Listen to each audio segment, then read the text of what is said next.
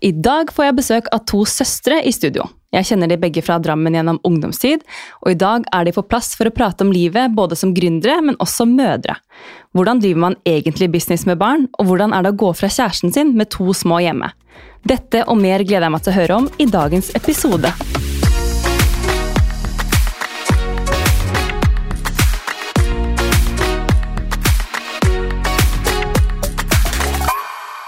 Velkommen, Emily og Karoline. Tusen takk. Hyggelig å ha dere på besøk. Ja, Veldig hyggelig å være her. Lenge siden jeg har sett deg. Det er Ja. Veldig koselig. Du, det er, Vi sitter i et ganske varmt studio, men nå sa jo dere at dere liker å ha det varmt. Oh yes, Vi er vant til å svette mye, så vi liker best når vifta er av. Ok, Så da, da er det god stemning at vifta er av, og vi sitter her med kaffe. Og jeg tror det her skal bli en veldig bra start på uka, og bra episode. Gøy mandag. Eh, kan ikke dere begynne med å fortelle liksom litt om dere selv, så lytterne vet hvem dere er? Emily, du er jo yngst, så jeg tenkte du kan begynne. Jeg kan starte. Jeg heter Emily Oxford, og jeg er 28 år. Jeg bor i Drammen på Konnerud. Og så har jeg et barn på litt over et år, og så har jeg en hund og samboer da, som heter Lars Håkon. Så du har egentlig tre barn. Ja, egentlig tre barn. egentlig. Godt sagt. Og deg, Karoline? Eh, Caroline Oxford heter jeg, 31 år, også fra Drammen. Bor på Konnerud, samme gata som Emily. Vi er vel akkurat tre hus mellom oss. akkurat tre. Så vi er tett på til eh, enhver tid. Har to barn, Tomine og Tobias, på to og snart fem. Eh, driver ved CrossFiten med Emily. Og så har jeg også jobb som prosjektleder eh, innen IT. Spennende. Det høres ut som to busy liv. Ganske. Ja, kanskje mest busy for Karoline sin. Hun er sånn, Jeg sier alltid til folk at hun har 150% jobb, og så har jeg 100, da. Så hun står på. Men vi må jo snakke litt om crossfit. Ja. Fordi dere driver jo CrossFit Phoenix sammen i Drammen. Eh, men det var vel du som startet, Emily? Ja, jeg startet i 2015, og da startet jeg sammen med en annen eh, som jeg ble kjent med når jeg starta med crossfit selv. da. Eh, Jeg fant ut at dette her var noe jeg ville drive med, og syntes det var supergøy. Og så gikk det så fort at vi bare gikk sammen med hun andre rett og slett, og fant et lokale. Og så var det rett og slett bare å begynne, og så blei det bare mye ut ifra det, da. Og i 2018 var det vel, Mhm. Eh, så fant eh, hun jeg jobbet med da, at det blei litt for mye i forhold til jobbsammenheng og sånne ting. Eh, Så da blei vi enige om at jeg kjøpte henne ut, og så tok det en liten periode, og så kom Karoline på bordet, og så fikk vi egentlig drevet sammen som vi egentlig alltid har hatt lyst til. Mm. Alltid liksom snakka om å gjøre noe sammen, vi to, da. Og Karoline har jo ikke alltid hatt den interessen for trening som jeg har hatt. På ingen måte. Så det var veldig gøy når hun liksom først fikk øya opp, og i hvert fall når eh, vi fant ut at vi er faktisk ganske gode på de samme tingene innenfor trening, da. Eh, så da liksom har man en man kan liksom pushe skikkelig med, som har samme mindsettet, for det er ikke alle som har det. Det er ikke alle som liker å trene så mye. Men er altså jeg kjenner jo egentlig deg, Emily, fra Ja. vi var, gikk på både ungdomsskolen og Ja. videregående. Og da husker jeg liksom Det var jo en periode hvor du fikk veldig interesse for trening. Ja. Eh, vil du fortelle noe om den tiden? Ja, altså, jeg fikk eh, Det var jo egentlig mest Altså, mamma gikk jo bort Det ble tolv år siden nå. Begynner å bli lenge siden. Eh, men det var egentlig da det tok av sånn skikkelig. For det liksom, treninga brukte jeg liksom på alt det har vært liksom gjennom sorgen og sånne ting, og har egentlig hjulpet meg den dag i dag med det.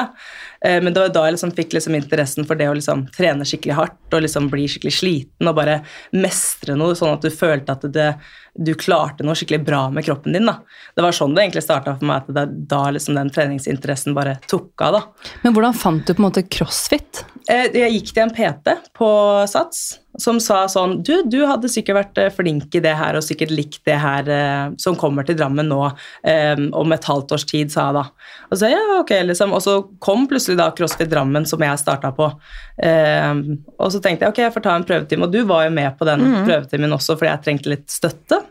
Eh, og så var jeg sånn helt fra liksom første stund da liksom En prøvetime var sånn Det her var noe for meg. Det her vil jeg gjøre, liksom. Og Du fikk en den- liten sånn åpenbaring? ja, det var liksom bare sånn kick, for jeg ante jo egentlig ikke hva jeg ville i det hele tatt. Ehm, og så bare blei det til at eh, det var det her jeg skulle gjøre, liksom. Men det var litt Så- gøy at han PT, eller hun PT-en så at liksom, ok, men det her Ja, er noe for Emily. Skikkelig kult. Så jeg, jeg takker hun den dag i dag. Hvis jeg møter henne og sånne ting, så er det liksom kjempekoselig liksom si tusen takk for det du lærte meg, og det du liksom ga meg med treninga. For det, det var du som fikk meg inn i det her, liksom. Så det sitter jeg skikkelig pris på. Men jeg må jo bare, altså jeg har sagt det flere ganger når jeg har sett både deg og Karo, men liksom sånn, gratulerer med alt dere har fått til. Det er sånn, jeg vet jo litt om hvordan det er å starte for seg selv, og man står jo der litt på sånn bar bakke og bare sånn, ja ja, man må jo bare prøve da. Hvis Ja. ikke så vet man jo ikke om man får det til eller ikke. Ja, og en ting også er at folk har så sjukt mange meninger rundt det. eh, Av liksom hva du burde gjøre, og hva du ikke burde gjøre. Også, men samtidig så må man bare gjøre det som er riktig for seg.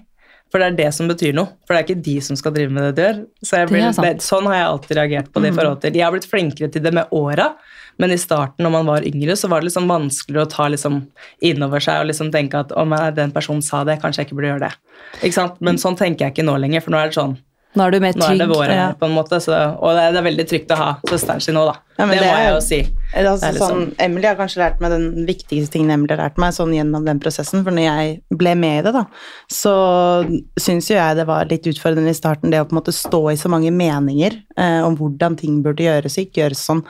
Og da har Emily vært veldig fin der hele tiden og vært sånn Vi kjører vårt løp, det er vårt sted. Og det er jo kanskje litt sånn Hva skal man si? Altså sånn at det er vår linje, men eh, til syvende og sist altså, så er det vi som skal drifte det, og vi som skal stå inne for det vi leverer til eh, de som kommer til oss da, og bruker våre tjenester. Eh, så hun har lært meg masse akkurat på det punktet der. Og vi vil jo at folk skal være kundene våre. Vi, det er første pri, at de skal være fornøyde.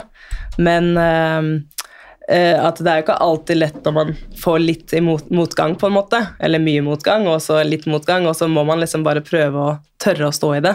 Og så vil det vi i utgangspunktet vil, det kommer jo fram til slutt. Så da får de liksom Å ja, ok, det var det de tenkte. Ok, men da er vi happy med det. Men tenker dere da på en måte kultur? Har liksom, hva skal jeg si, kunder kommet og bare sånn Kan dere gjøre dette annerledes? Eller hva slags situasjoner er det man møter på da, på en måte? Det er begge deler, egentlig. Litt sånn forslag til forbedringer og altså både ris og ros, da, hvis Ja. man kan si det sånn, men det er liksom ja, de forslagene til forbedringer og hvordan ting burde gjøres, og at eh, de synser litt mer om driften. Og så er det ikke til å stikke under stol at eh, CrossFit, da, til forskjell fra de tradisjonelle treningssentre, blir jo ofte litt mer sånn Vi tuller litt og så kaller det noen ganger liksom fritidsklubb for voksne. Eh, fordi folk kjenner hverandre, og mm, sånn som de som har timer hos oss, og Emily og jeg, vi kan navnet på alle som trener her. Vi vet hvilket ansikt og hvilket navn som hører sammen, og det er en viktig greie da, for å skape et visst miljø og for å ha et visst community um, i, på boksen. Um, så det gjør jo også til at folk blir litt mer engasjert, da, enn at når de bare kommer på sats, ikke bare kommer på sats, men til forskjell fra å komme på et litt mer kommersielt gym, da. Um, så det er jo på en måte både positive og negative sider akkurat ved den saken der, men til syvende og sist så føler jeg at uh, så lenge vi klarer å stå støtt i vår visjon, da, og vårt ønske og hva vi prøver å skape, så er det da lettere å få en tilbakemelding på at uh, det Det likte noe ikke bra. noen, men Ja. også enda mer positivt å få den 'det her var skikkelig bra'. Og vi setter jo pris på alt, på en måte, for vi har jo lært sinnssykt mye av det. Altså sånn, Uansett om det er dårlig eller bra, eller hva det er for noe, så har vi jo lært av det til syvende og sist. Og bare, så man må bare lære seg å stå i alle ting, og så tar man litt og litt, og ikke blir liksom overvelda av liksom, ting som kommer imot noen ganger. Da, for det, sånn skjer, og spesielt med de to åra vi har hatt med pandemi. og Det har jo ikke vært lett å stå i det med treningssenter, i hvert fall, for det er jo den første tingen som røyk, på en måte. Eh, Så vi måtte bare gjøre det beste ut av det. Og så Men der var dere jo veldig gode, da. Lagde videoer og la ut på sosiale medier. mm. Jobba bra da, for Ja, vi rundt på hele Konnerud på alle, Så godt vi alle kunne. mulige steder og Ja. filma litt. Ja. Løsningsorientert, da. Men altså, dere jobber sammen, henger sammen på fritiden, er familie. Hvordan er deres relasjon egentlig? Veldig spesielt. Veldig Nei. spesiell. Nei, veldig spesiell blir det vel. Ja. Nei, den er jo veldig tett, da. Jeg er jo avhengig av Emily, hvis det går an å si. Hun er kanskje Samme, den personen jeg er mest avhengig av. Eh, hun var på ferie uten meg i ti dager i sommer, og det var sånn Jeg savna henne. Det var sånn, Det er Nå må du komme hjem snart. Ja. Så det er ikke unormalt at vi sikkert snakker på telefon sånn sju-åtte ganger i løpet av dagen. Trener sammen. Eh, etter barnehagen, så siden vi bor ved siden av hverandre, så kommer hun og Ava, datteren, da, og ofte samboeren også, bort til meg eller jeg til de, lager middag til ungene sammen. Det er veldig hyggelig for Ja, ungene sin del også. Da vi, Ja. De blir jo veldig tett, og Tomine, minste til Karoline, er jo bare ett år eldre enn Ava, så det passer Mm. jo veldig godt med at de blir godt kjent, liksom hele gjengen. da. Vi er sammen såpass mye at det Mm. er så mye trygghet i begge veier. da. Jeg ser jo Ava når hun ser Karoline, det er jo nesten som å se meg, ikke sant. Så, Det er veldig koselig. Det er Det er hyggelig, da. kjempekoselig. Så kunne, jeg setter virkelig pris på den eh, connection vi har der, altså, for det er ikke mange som har det med søsknene sine, tror jeg, da. Så Mange syns jo sikkert det på en måte blir litt mye. Vi syns jo litt, iblant litt synd på Lars Håkon, da, samboeren til Emily. Det var liksom litt mitt neste spørsmål. Hva syns han om at dere bor tre hus unna hverandre, og at du kanskje noen ganger stikker bort dit, da, istedenfor å Jo, altså stort sett stikker jeg bort dit hvis For sånn ja, Hvis man skal ta hele storyen her, da, så er det jo Lars Håkon har jobben, og så er det jo trening og sånn for han også etter jobb og sånne ting. Og jeg vil jo gjerne at Lars Håkon prioriterer trening fordi jeg prioriterer det såpass mye. For jeg, jeg liker jo den livsstilen med at man Ikke at man skal trene hver dag og det skal være kjempehardt og sånne ting, men hvis man har lyst til å dra og trene og ta seg en økt, liksom, så skal man få lov til det. Man skal ikke være hjemme fordi man har vært på jobb hele dagen. Eh, så det er derfor det er veldig ålreit at det er sånn Ok, men da stikker du på trening, og så stikker jeg en tur til Kaline, liksom, og så spiser vi middag sammen etter hun har lagt seg, da, eksempel. Så det syns jeg fungerer kjempegreit. Så jeg føler ikke at jeg velger liksom bort eh, fellesskapet vårt hjemme for å være der. Nei. Og det er det jeg syns er så fint, for det liksom, at jeg kan være der, tillater meg og Lars Håkon på en måte at vi begge får gjort ting vi fortsatt har lyst til, da, uten å liksom føle seg stuck hjemme. For noen småbarnsforeldre, det er jo en periode, på en måte. Du er mye hjemme, du må finne på ting med barnet, og det er hyggelig, det. Og man, vi gjør jo det, vi også, men det er viktig at man på en måte har liksom sine ting, at man fortsatt får lov til å være seg selv, og det har jeg lyst til å gjøre. Det tror jeg er ekstremt viktig. Så han har jo myka opp litt med tiden, da. Ja. når han har blitt vant til Så nå er det jo ofte at eh, Ja, hele forrige uke så Emily måtte jobbe litt kveldsvakter. Da var det Lars Håkon og Ava hos meg. Sånn det blir. Men hvordan har dere liksom kombinert eh, småbarnslivet og trening? Fordi altså Emily, har du en gang hatt permisjon? Ja, både Jeg har hatt eh, fri fra timene, gruppetimene, og så har jeg hatt litt sånn Peter også innimellom. For jeg har jo sett at Ame har vært med. Mm, også, men vi har vært mye på crossfiten fra Ja, fra hun er, liker å stå opp tidlig, gjør det fortsatt. Eh, eh, vi var der fra tidlig morgen. Da var vi jo alltid med Karoline, for hun hadde gruppetimer tidlig. Eh, og så trente vi sammen med Karoline, og så var vi jo litt sånn ordna litt og planla ting og sånne ting. Og hun var med og sov litt og hang litt med oss, og jeg tror hun hadde det kjempefint. Ja. Hun hadde jo på en måte to, to, To mødre. to mødre, og så koste seg masse. Så det gikk jo greit, selv om jeg følte litt på det presset at jeg skulle gjerne gjort mer. Fordi det er alltid noe å gjøre på crossfiten. Det er veldig sånn følelse av det er liksom du, du, kan finne, du kan gjøre ting og styre litt din egen hverdag, men det er alltid ting du faktisk kan ordne og styre med. Uh, så da fikk jeg litt sånn dårlig samvittighet over at det burde vært gjort, det burde vært gjort, men her sitter jeg og får ikke gjort det. Men samtidig også, så setter jeg jo pris på den tida jeg fikk hjemme med Ava, da, for den er jo viktig. Så selv om vi var på crossfiten, så var vi i hvert fall at vi var sammen hele tida. Men dere Så- begge har gruppetimer. Ja. Hvor mange andre er det som har gruppetimer der? Eller som jobber Fem? Fem, ja. Fem blir det? Ja. Ja. fem Så dere hadde også liksom litt andre Ja, ja. å lene dere på? Ja, absolutt. Absolutt. Altså, de ettermiddagstimene i stor grad, eh, i hvert fall i den perioden du var i permisjon, det ble jo dekket av de, da. Mm. Eh, så hadde jeg mye formiddag og mm, ja, morgentimer. Ja. Og så Karoline var liksom meg i den perioden. Ja. Eh, for jeg har mest liksom morgentimer, PT og bedrifter. Og så har jeg noen kveldsvakter eh, i løpet av uka, men da to, var hun liksom meg i den perioden. Så du har litt mindre nå, da. Så da jobbet Nå- du egentlig 200 da, men det som var fint da, i det, akkurat idet Emily gikk ut i permisjon, så bestemte jeg meg for å gjøre en liten endring også. Da gikk jeg liksom fra den jobben jeg hadde da, eh, 100 da, til å bare gjøre eh, crossfiten i et år, for å liksom dekke rollen til eh, Emily. Eh, og så hadde jeg litt sånn andre sånn småting på siden, da, men eh, da hadde jeg tiden til å gjøre det. Og så var det litt naturlig nå når Emily kom tilbake fra permisjon, at eh, jeg hadde litt lyst til å fortsette på min karrierevei som jeg hadde startet eh, før jeg gjorde det skiftet, da. Eh, og at jeg søkte meg da jobb eh, innen det feltet jeg liksom har vært i hele tiden. Hvordan klarer du å kombinere det og Phoenix? Jeg tror det er mest fordi Effektiv. eh, Ja. Effektiv? Ja, jeg er nok ganske effektiv, men eh, samtidig så er det sånn For meg så er Phoenix så gøy at det gir meg så Det er det gir meg så mye glede og energi, da. både det å trene, men også det å ta del i det eh, den driften av det sammen med Emily. Så har vi jo splitta det sånn mellom oss at jeg gjør stort sett alt det administrative. Eh, og det er jo veldig sånn fritt til å gjøre fra hvor som helst, så lenge du har internett.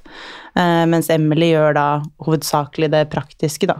Så den uka jeg ikke har barna, så er det litt mer naturlig at jeg stepper inn, og hvis det er man trenger vikar på timene eller den type ting, så gjør jeg det. Eller at eh, jeg har fasta annenhver hva blir det, onsdag og fredag, Ja. morgentimene før jobb, da. 6.15. Mm. Tidlig. Faen. Det er bare å komme seg opp. Det er bare å stå opp. Men det blir jo, altså jeg vet jo, vet jo det selv, at det å jobbe for seg selv, det blir jo en livsstil. Ja. Eh, og jeg tenker sånn, noe av de tingene jeg hadde lyst til å spørre dere om, er jo hvordan man liksom får til dette med trening når man er småbarnsforeldre og står der og liksom ikke tar seg tid. Men dere har jo på en måte tiden i og med at det er jobben deres. Så det blir kanskje litt mer naturlig å liksom prioritere det. Det er nok lettere for meg enn for deg, for Karoline har jo den andre jobben som krever jo ganske stort av henne, men du får jo alltid til treninga, spesielt den, eh, den uka du ikke har ungene, så er det jo litt lettere, men samtidig som når du har ungene, så hun er jo veldig flink til å ta dem med.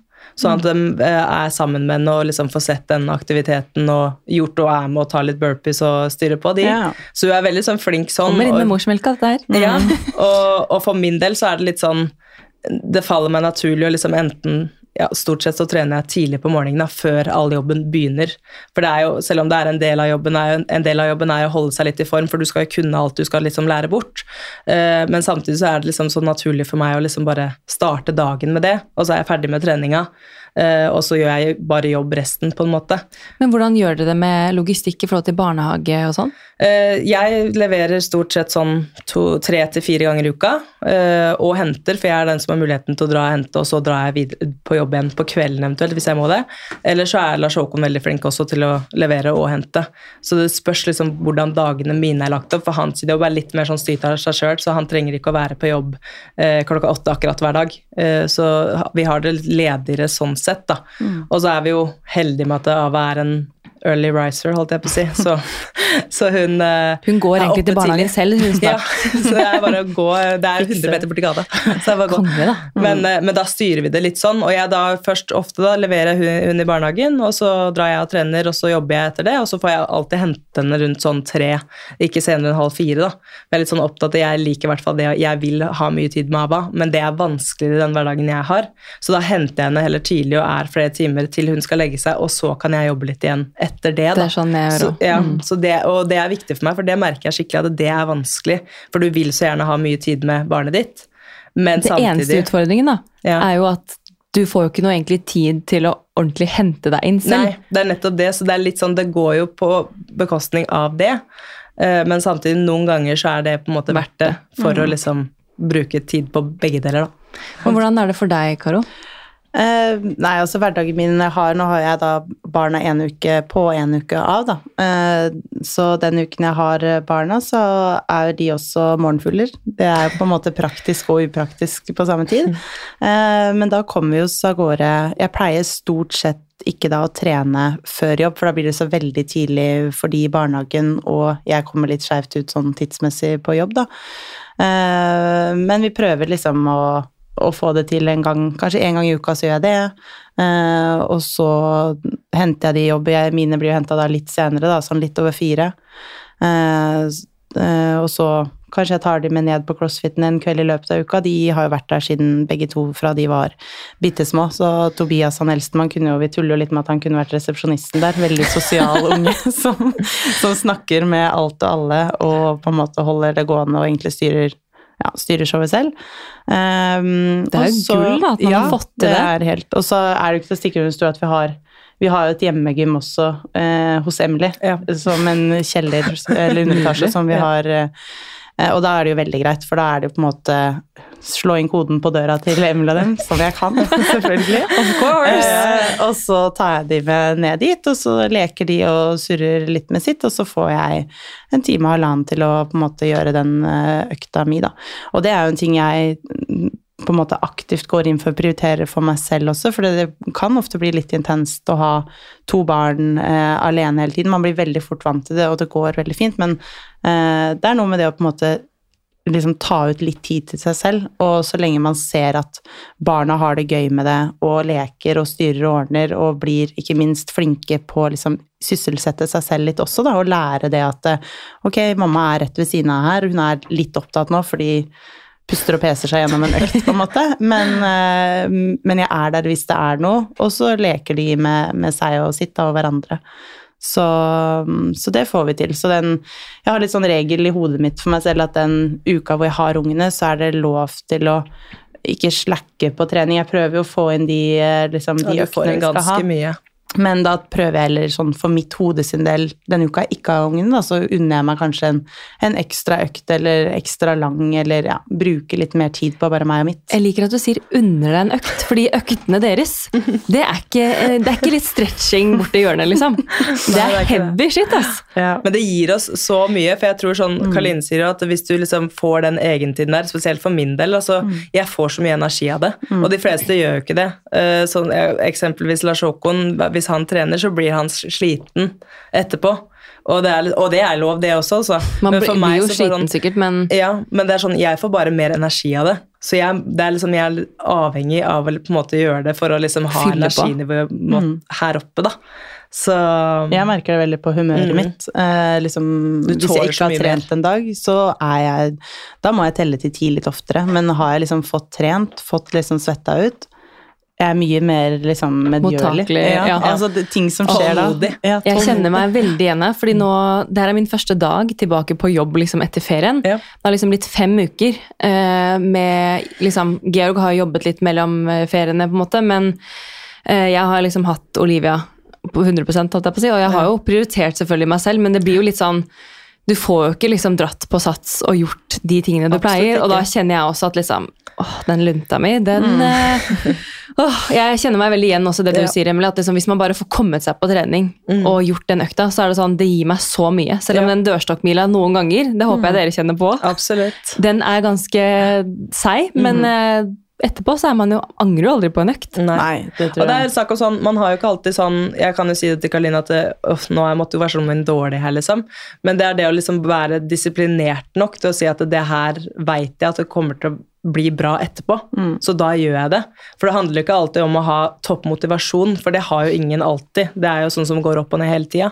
Eh, men det å ha disiplin, disiplin til ja. det Det er mm. vanskelig å snakke norsk for meg òg. eh, det er så internasjonalt. Det er jo Oxford ja. Nei, så det blir liksom en annen ting. da, Bare vite at vet du hva, det her gjør meg så godt, så jeg gjør det. Uansett om jeg føler meg litt umotivert i dag. Og jeg tror det er der man på en måte vinner. De gangene mm. du ikke har lyst til å gjøre det, men gjør det, så lærer du hjernen din til å bare Det her er rutinen, det er rytmen jeg har. Og så, som du sier, man angrer jo aldri på en økt. Mm -mm. Sånn. Det er litt som med sex. Mm. Angrer aldri på. Men du, nå har vi snakket mye om trening her, ja. eh, og det ville jeg jo også. Men jeg er litt spent på å høre, fordi dere har jo vokst opp i samme hjem, er søstre har hele barndommen sammen, eh, og nå er begge mødre. Hvordan er dere egentlig som mødre? Og da tenkte jeg litt sånn, Istedenfor å fortelle om dere selv, kanskje dere skal fortelle om den andre. Mm. Så Karo. Begynne, eller Karo? Eller Karo. Karo kan begynne. Ja. Emily som mamma eh, Mange ganger så syns jeg Emily minner meg veldig om mammaen vår. Sånn måten man er på, eh, får ting gjort er liksom på ballen eh, hele tiden, da. Eh, hun er nok en litt sånn derre bekymringsfull Eller la oss si det sånn, hun er en konsekvenstenker. eh, typisk eh, Og da er det mest sånn i forhold til Der er en trapp. Eh, nå, nå begynner Ava å liksom krype mot den. Ehm, men eh, er veldig god til å passe på og veldig flink til å å stå i ting, da. Eh, altså det er tøffe seige netter, det er den type ting, men selv om det er tungt, og vi snakker om at det kan være tungt, så er det jo ikke på en måte Innstillinga er det er ikke noe alternativ. Og hun gjennomfører, og hun gjør det hun skal, og er jo veldig opptatt av å ha med Ava ut og leke, være liksom en aktiv mamma, da. Og det er jo ganske gjennomsyra hele ja, din stil da, som ja. mamma. At det, det, handler ikke om å sitte stille, på en måte. Her er det opp og, opp og kjøre, da. Jeg tenkte litt på det da du sa i stad, det med at liksom, du prioriterer deg selv, mm. og da tenker liksom at ok, men da får barna sysselsette seg. Mm. Og jeg har tenkt mye på det liksom da vi vokste opp, og da jeg var liten, så var det sånn Det var ikke snakk om at liksom, mor og far satt på gulvet og lekte med meg. Altså, jeg tror nåtidens foreldre er så mye mer delaktig i barnas lek og alt hva de holder på med. Så det er sånn man skal ikke ha dårlig samvittighet for å liksom Ok, nå må du leke her. Mamma er på trening, eller mamma gjør noe annet. Jeg tror bare at liksom vi skal være så på alt. Eh, så jeg tror det er liksom bra å la de liksom være litt for seg selv, og jeg tror de bare har godt av det. Ja. Og det er jo noe du har øvd på så mye, Emily. Altså sånn, fordi hun, Emily har ikke alltid syntes det har vært like enkelt for eksempel, å trene med Ava, fordi man blir liksom litt forstyrra og man klarer ikke helt å finne fokus osv. Men det er jo noe du har øvd deg på og blitt Ja. bedre på. Eh, og fordi du ser også at Ava har det fint. da. Og det var litt vel det i starten, at man tenkte kanskje litt mer på ja, men har hun det bra nå? Er det Ja. kjedelig for henne å sitte og følge med på de greiene her? Altså, ja. Men eh, det har du jo vokst veldig mye på de Ja, siste absolutt. Året, liksom. Mm, Lærer hele tida. ja. Ja, det er Så, sant. men samtidig så er Emily også en veldig sånn varm person med Ava. Hun kanskje for mange og Jeg kan si det, for jeg kjenner henne så godt. Oppleves ikke som så varm. Eh, sånn ved første, liksom. Men eh, ovenfor eh, de hun kjenner og er glad i, selvfølgelig. Men spesielt da ovenfor Ava, så er det jo ekstremt liksom på og varm og kos og. Det er sånn jeg kjenner det òg. Du liksom Men er ikke det noe med stjernetegnet vårt, da? Jo, jeg tror det. At man kan eh, virke litt sånn hard utenpå, men så er man egentlig veldig, Veldig myk og god. inni. Ja, ja. Men hva med Karo, da? Er hun lik deg, Emily? Vi er liksom vi er ganske like sånn i forhold til at vi liker å få til ting, og du er jo også kjempeflink til å få med barna ut. og Karoline har liksom stålkontroll på liksom alt fra liksom pakke sekker, og alt er liksom 100% klart hvis dere skal noe, eller, og veit liksom alt er rutinen godt, og kjempeflink med søvntrening. Det er jo ikke jeg i det hele tatt. Det var jo hun som måtte gjøre det med Ava for, for oss. Eh, men hun, er liksom, hun har liksom kontroll på så mange områder, og hun gjør det liksom Det er liksom merkbart at hun gjør det sjøl, da. Hun er liksom ikke avhengig av at noen andre skal hjelpe henne. Og hun er nok ikke like, like sånn konsekvent tenker som jeg er. Hun er litt sånn Ja, men de må lære av feilene sine. Men tror du det er fordi du har to nå? At du sånn. ikke kan Ja, jeg, ja det har nok Men du var litt liksom over. aldri sånn med Tobias heller. Nei. For jeg har liksom følt at jeg alltid har vært liksom passa mer på ungene hennes Ja. enn hun Eller hun, du har jo passa på dem, Jo, jo, men du lar dem liksom utforske litt selv og liksom prøve og feile og slå seg litt. Da. Jeg liker jo ikke at de slår seg i det hele tatt. Jeg er sånn, nei, nei, det ordner vi, vi legger pute rundt.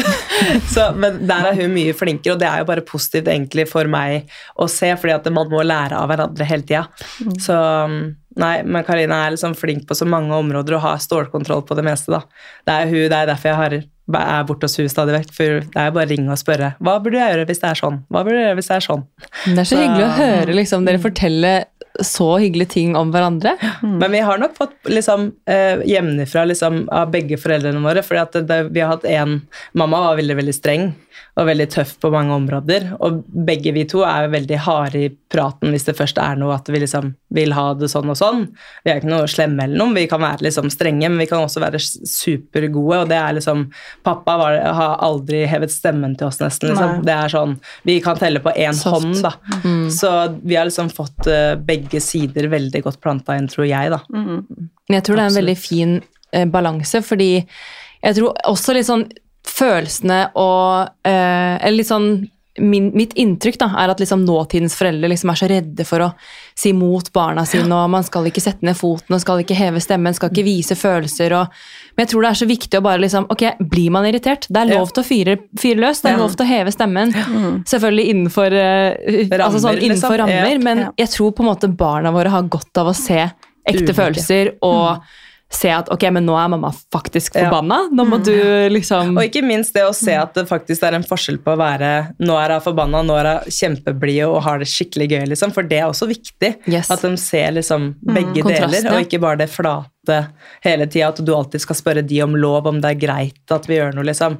Noen ganger så vi er de voksne i starten i hvert fall, og Ja. vi må jo bestemme litt, og da kan vi jo ikke bare si 100%. ok, men nei, du vil ikke det, nei, nei, men det er greit. Det er jo litt seigt med oppdragelse iblant. Jeg merker jo spesielt Det det, er på han som begynner å nærme seg fem. da. Altså Det er jo et litt annet sånn ja, element som kicker inn der, da. Vilje og De har jo det fra tidlig alder òg, men nå er det en litt større grad av at han trenger en forklaring på hvorfor er det sånn. Og det krever jo mer av meg da, eller av Emily hvis hun passer an, da. At at man må liksom forklare på en måte de forstår hvorfor ting skal være sånn og sånn. Uh, og det er jo en ting jeg har merka litt på. Uh, han er veldig Eller nå snakker jeg spesielt om Tobias, da, som begynner å komme litt opp i, opp i åra, ja, kan si det. Gammel. Men uh, det har tatt meg litt tid å få han og jobber jo fortsatt med det, å få han til å lettere bare respektere og akseptere liksom en beskjed fra meg. Med faren sin så er han mye mer Kall det Altså, han hører veldig med en gang, da.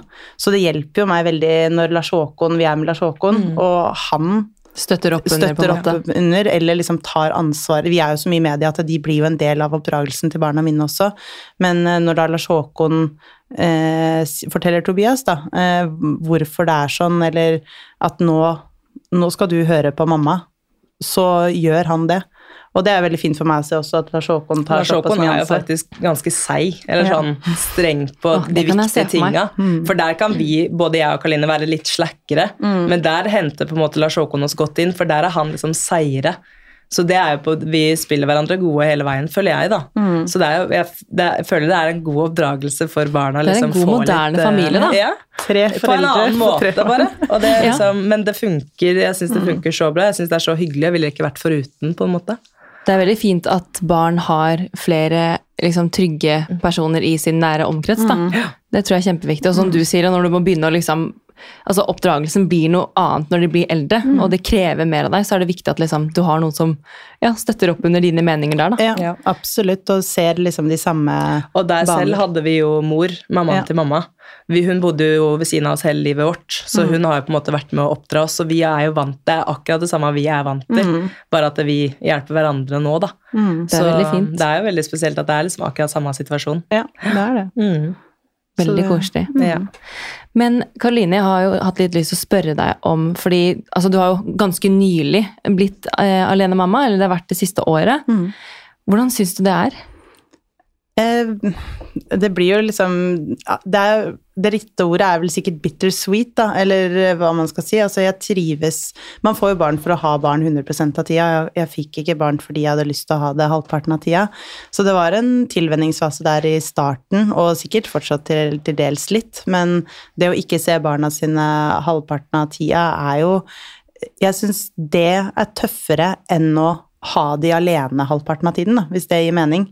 Um, for jeg har vært vant til, liksom fra jeg har fått barn, til at um, jeg har tatt mye ansvar for de da, naturlig nok, fordi de er barna mine, og, og hatt de Jeg vil ikke si jeg har hatt de mye alene, men jeg har alltid likt å ta de med på ting jeg har gjort. Uh, og litt uavhengig av om da uh, eksen min var med på det eller ikke.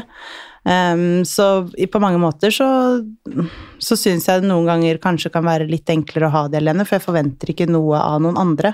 Jeg vet at det er meg stå, de står på, og da er det litt med innstilling, da. Og det gjelder jo med alt, med alt fra trening til hva enn man skal gjøre i livet, da. Hvilken innstilling er det du har til det, og så prøve å jobbe med det deretter. Men så skal det jo sies at det med tiden har jo blitt enklere og enklere det å ikke se det i halvparten av tiden. Vi er flinke til liksom mye FaceTime den uka, den ene ikke har de, videre. Snapper og liksom få ta del i hverdagen. Da. Barnehagen er kjempeflink og legger ut bilder hver dag fra hva de har gjort, og med beskrivelse. Det, det er veldig fint. Det er veldig koselig å se. Og så bor de jo på en måte ja, tre minutter unna, da, så er det helt krise i lia. Så går det an å bare dra og, og hilse på. Vi har prøvd å ikke gjøre det mest på bakgrunn av hun yngste, fordi der er det litt mer sånn um, Knyttelse. Altså, ja, knytte, altså sånn, ja, hun blir, blir vanskeligere. Ja, da, hun, hun, forstår ikke helt det konseptet enda med at eh, mamma kommer tilbake. Eller hun forstår jo konseptet, men ja, hun tar litt mer på vei, da. Mens med Tobias, som snart er fem, han skjønner jo i større grad at uh, på mandag skal du til mamma. Da er det hun som henter deg i barnehagen. Og så teller han uh, antall ganger han skal sove, da. I starten så trodde hun at det, mm. først skal jeg til mamma, og så skal jeg til pappa, og så skal jeg til tante Emily. Ja. lurte, han lurte på om Emily og Lars Håkon kunne være med i den ja. miksen, så han kunne også være der. Det var kjempesøtt. Ja. Han er så, kjempegod gutt, han. Ja. Så Nei, det, har, det, går det går veldig bra, hvis det er lov å si. Det har gått, det har gått ja. bra veldig fort, syns jeg. da, Ja. sånn Fra liksom stå utenfor, liksom, at de har liksom eh, klart å finne sin rytme i det så liksom fort. For det er ikke ikke alle som gjør det. Det tar jo litt tid for barna og for voksne sin del. da. Men jeg syns de har vært så flinke der til å liksom kommunisere eh, begge veier. da. Ja, det Så, hjelper jo. Det er jo ingen dramatikk eller uvennskap eller sånn mellom meg og pappaen til barna, så det er jo ikke et, vært et uh, eh, en sånn sett kranglete situasjon eller noe sånt. Vi begge har fokus på at eh, barna går først, Best og, ja. og sånn er det bare. Og så har vi prøvd å bare bygge videre på det, da. Så det går jo bedre og bedre, jeg, fra min side i hvert fall, da, overfor å liksom ja, være i det for et slags forhold, da. Måned for måned som går. Men hvordan er det å gå fra å liksom Hvor lenge var dere sammen? Åtte år. Ja. Hvordan går man fra da å Jeg bare tenker på meg selv, da. Meg og Georg, for eksempel. Vi har også vært sammen i litt over åtte år. Hvordan går man fra å på en måte eh, se en person hver eneste dag og kjenne en person så godt, til å på en måte Du har jo selvfølgelig noe med han å gjøre, men det er jo en helt annen relasjon. Hvordan, liksom, hvordan har det vært? Og, fordi du har jo mistet kjæresten din, på en måte. Eh, på mange Altså sånn I det store og det hele så vil jeg jo Altså kort oppsummert, det har gått bra. Eh, det er jo selvfølgelig en, en endring og en sorg og en på en måte stor Eller en epoke av livet, da, kan man si, som er over. Eh, men igjen der så Det var det riktige for meg, da, å gjøre. Og jeg har stått veldig Jeg er en veldig sånn person som ehm, står i de beslutningene jeg har tatt, da. Og da er det jo igjen det med ja, innstilling. Hva er det jeg vil få ut av det, og jeg har lyst til å gjøre det best mulig for mine barn, og hvis de skal ha det best mulig, så krever jo faktisk det også at jeg har det best mulig. Så det er liksom det, litt den tankegangen der, da, man bare prøver å bygge videre på. Og Det står jeg respekt av. Men det virker jo som du også er flink til å sette dine behov foran, og på en måte istedenfor å liksom Jeg kan jo se for meg mange i samme situasjon, selv om man vet at man har tatt riktig avgjørelse. Eh, så at man på en måte henger litt igjen. liksom, Var det riktig valg? Og at man på en måte er mye lei seg. Eh, og det tror jeg jo helt sikkert at du også har vært, men når man på en måte har motivasjonen på riktig sted også, så blir det jo kanskje Jeg vil ikke bruke ordet enklere, men det blir jo kanskje Ja, men du har nok rett i det ordbruken der, at det er Ja. enklere hvis man har den rette motivasjonen, da. Det som satt lengst inne for meg helt klart, var jo det eh, at man på en måte, kaller det, gjør det her mot barna. For det er jo hyggeligere for barna at mamma og pappa er sammen og i samme hus til enhver tid, osv. Eh, men til syvende og sist så er det jo noe med det at det går tilbake til det hvis ikke eh, partene har det bra, da, eh, i det forholdet, så vil jo ikke ungene heller på en måte få yte maks. Nå har de en uke med meg og en uke med pappaen, og vi er begge gode foreldre, og mm, eksen min er kjempefin pappa til barna sine. Jeg vet at de har det kjempebra når de er hos han, og så han vet at de har det kjempebra når de er hos meg. Og det har hjulpet den prosessen eh, med å ikke være sammen, da, eh, lenger. Så ja. Det Men hva skjer når man skal Når man går hvert i sitt? Så er det jo sikkert En ting er hvordan man skal få til å gå opp i hverdagen med liksom logistikk og sånne ting, men det virker det som dere har liksom på plass. Men hvis man sitter der, da, kanskje i samme situasjon som du og dere har vært i, hvor man liksom Ok, det her funker ikke lenger. Hvordan går man frem når man har barn og skal løse alt dette her?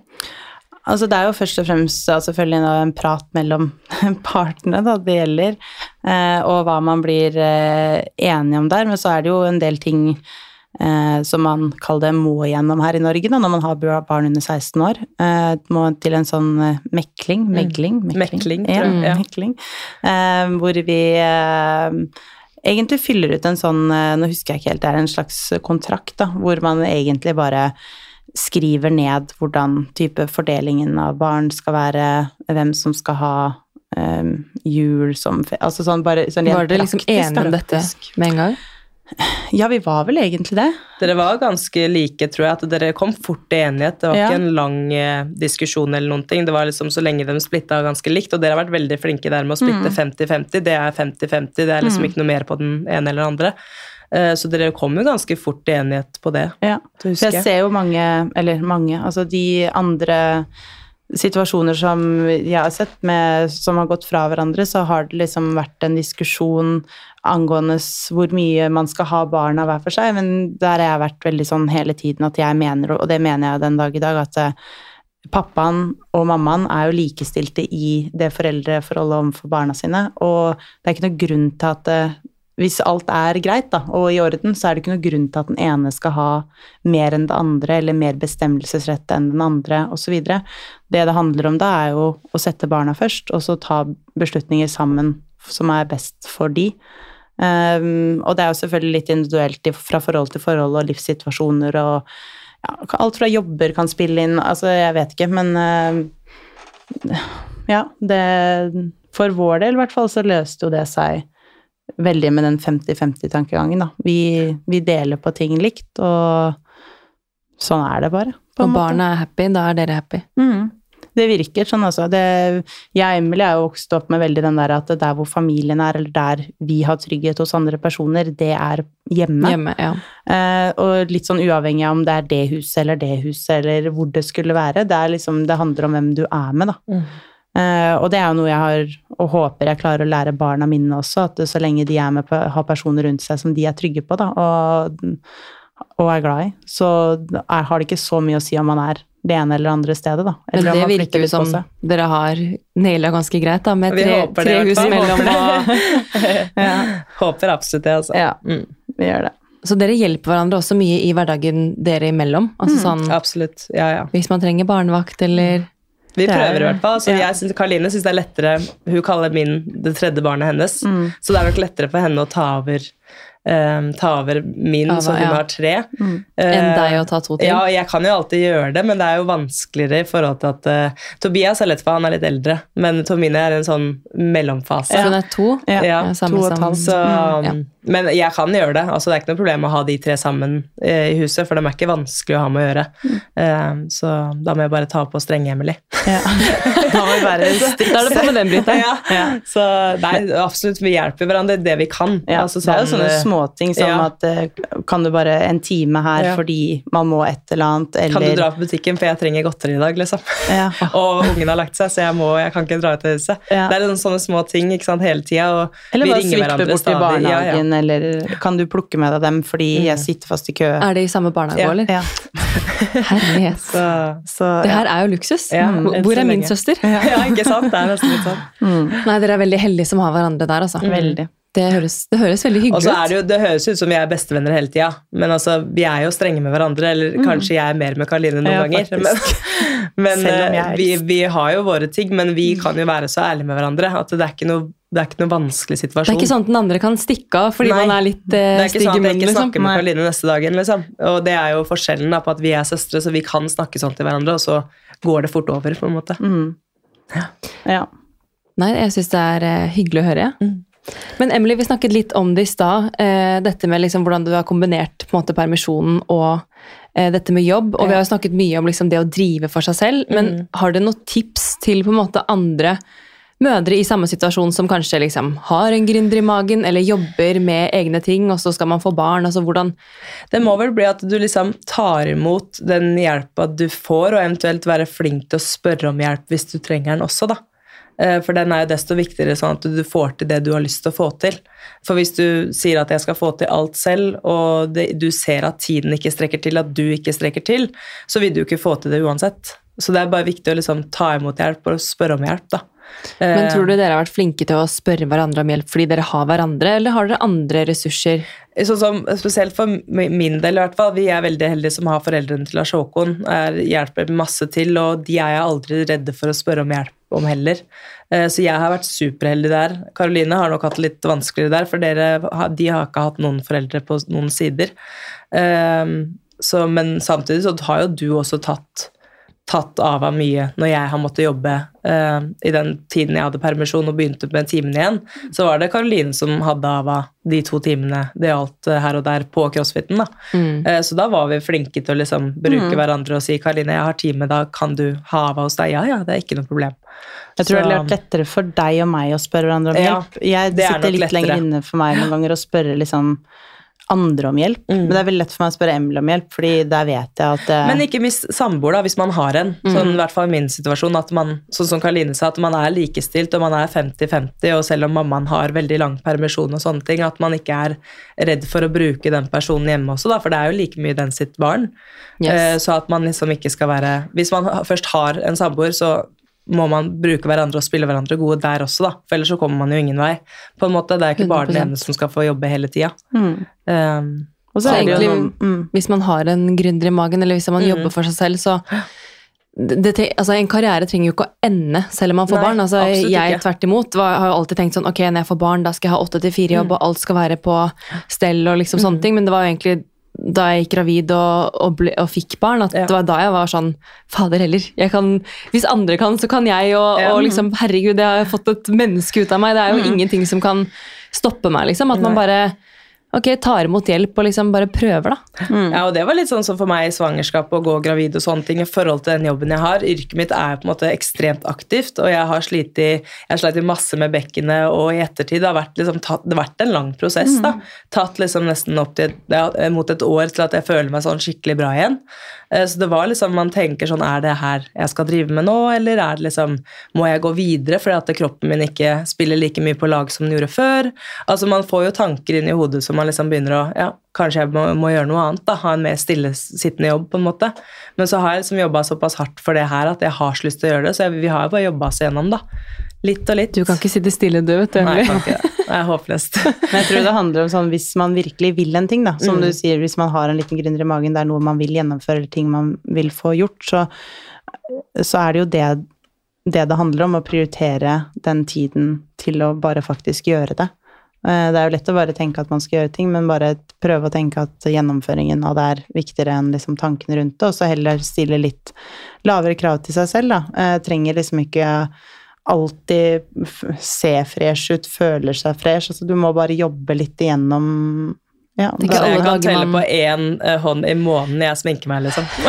Det her er en av dagene. Det er bra, for vi skal ta bilde av dere Ja, etterpå. ikke sant? Nei, men det er sånne ting, da. For jeg prioriterer å komme meg raskt ut av huset, raskt hjem, for å liksom kunne gjøre det jeg har lyst til å gjøre.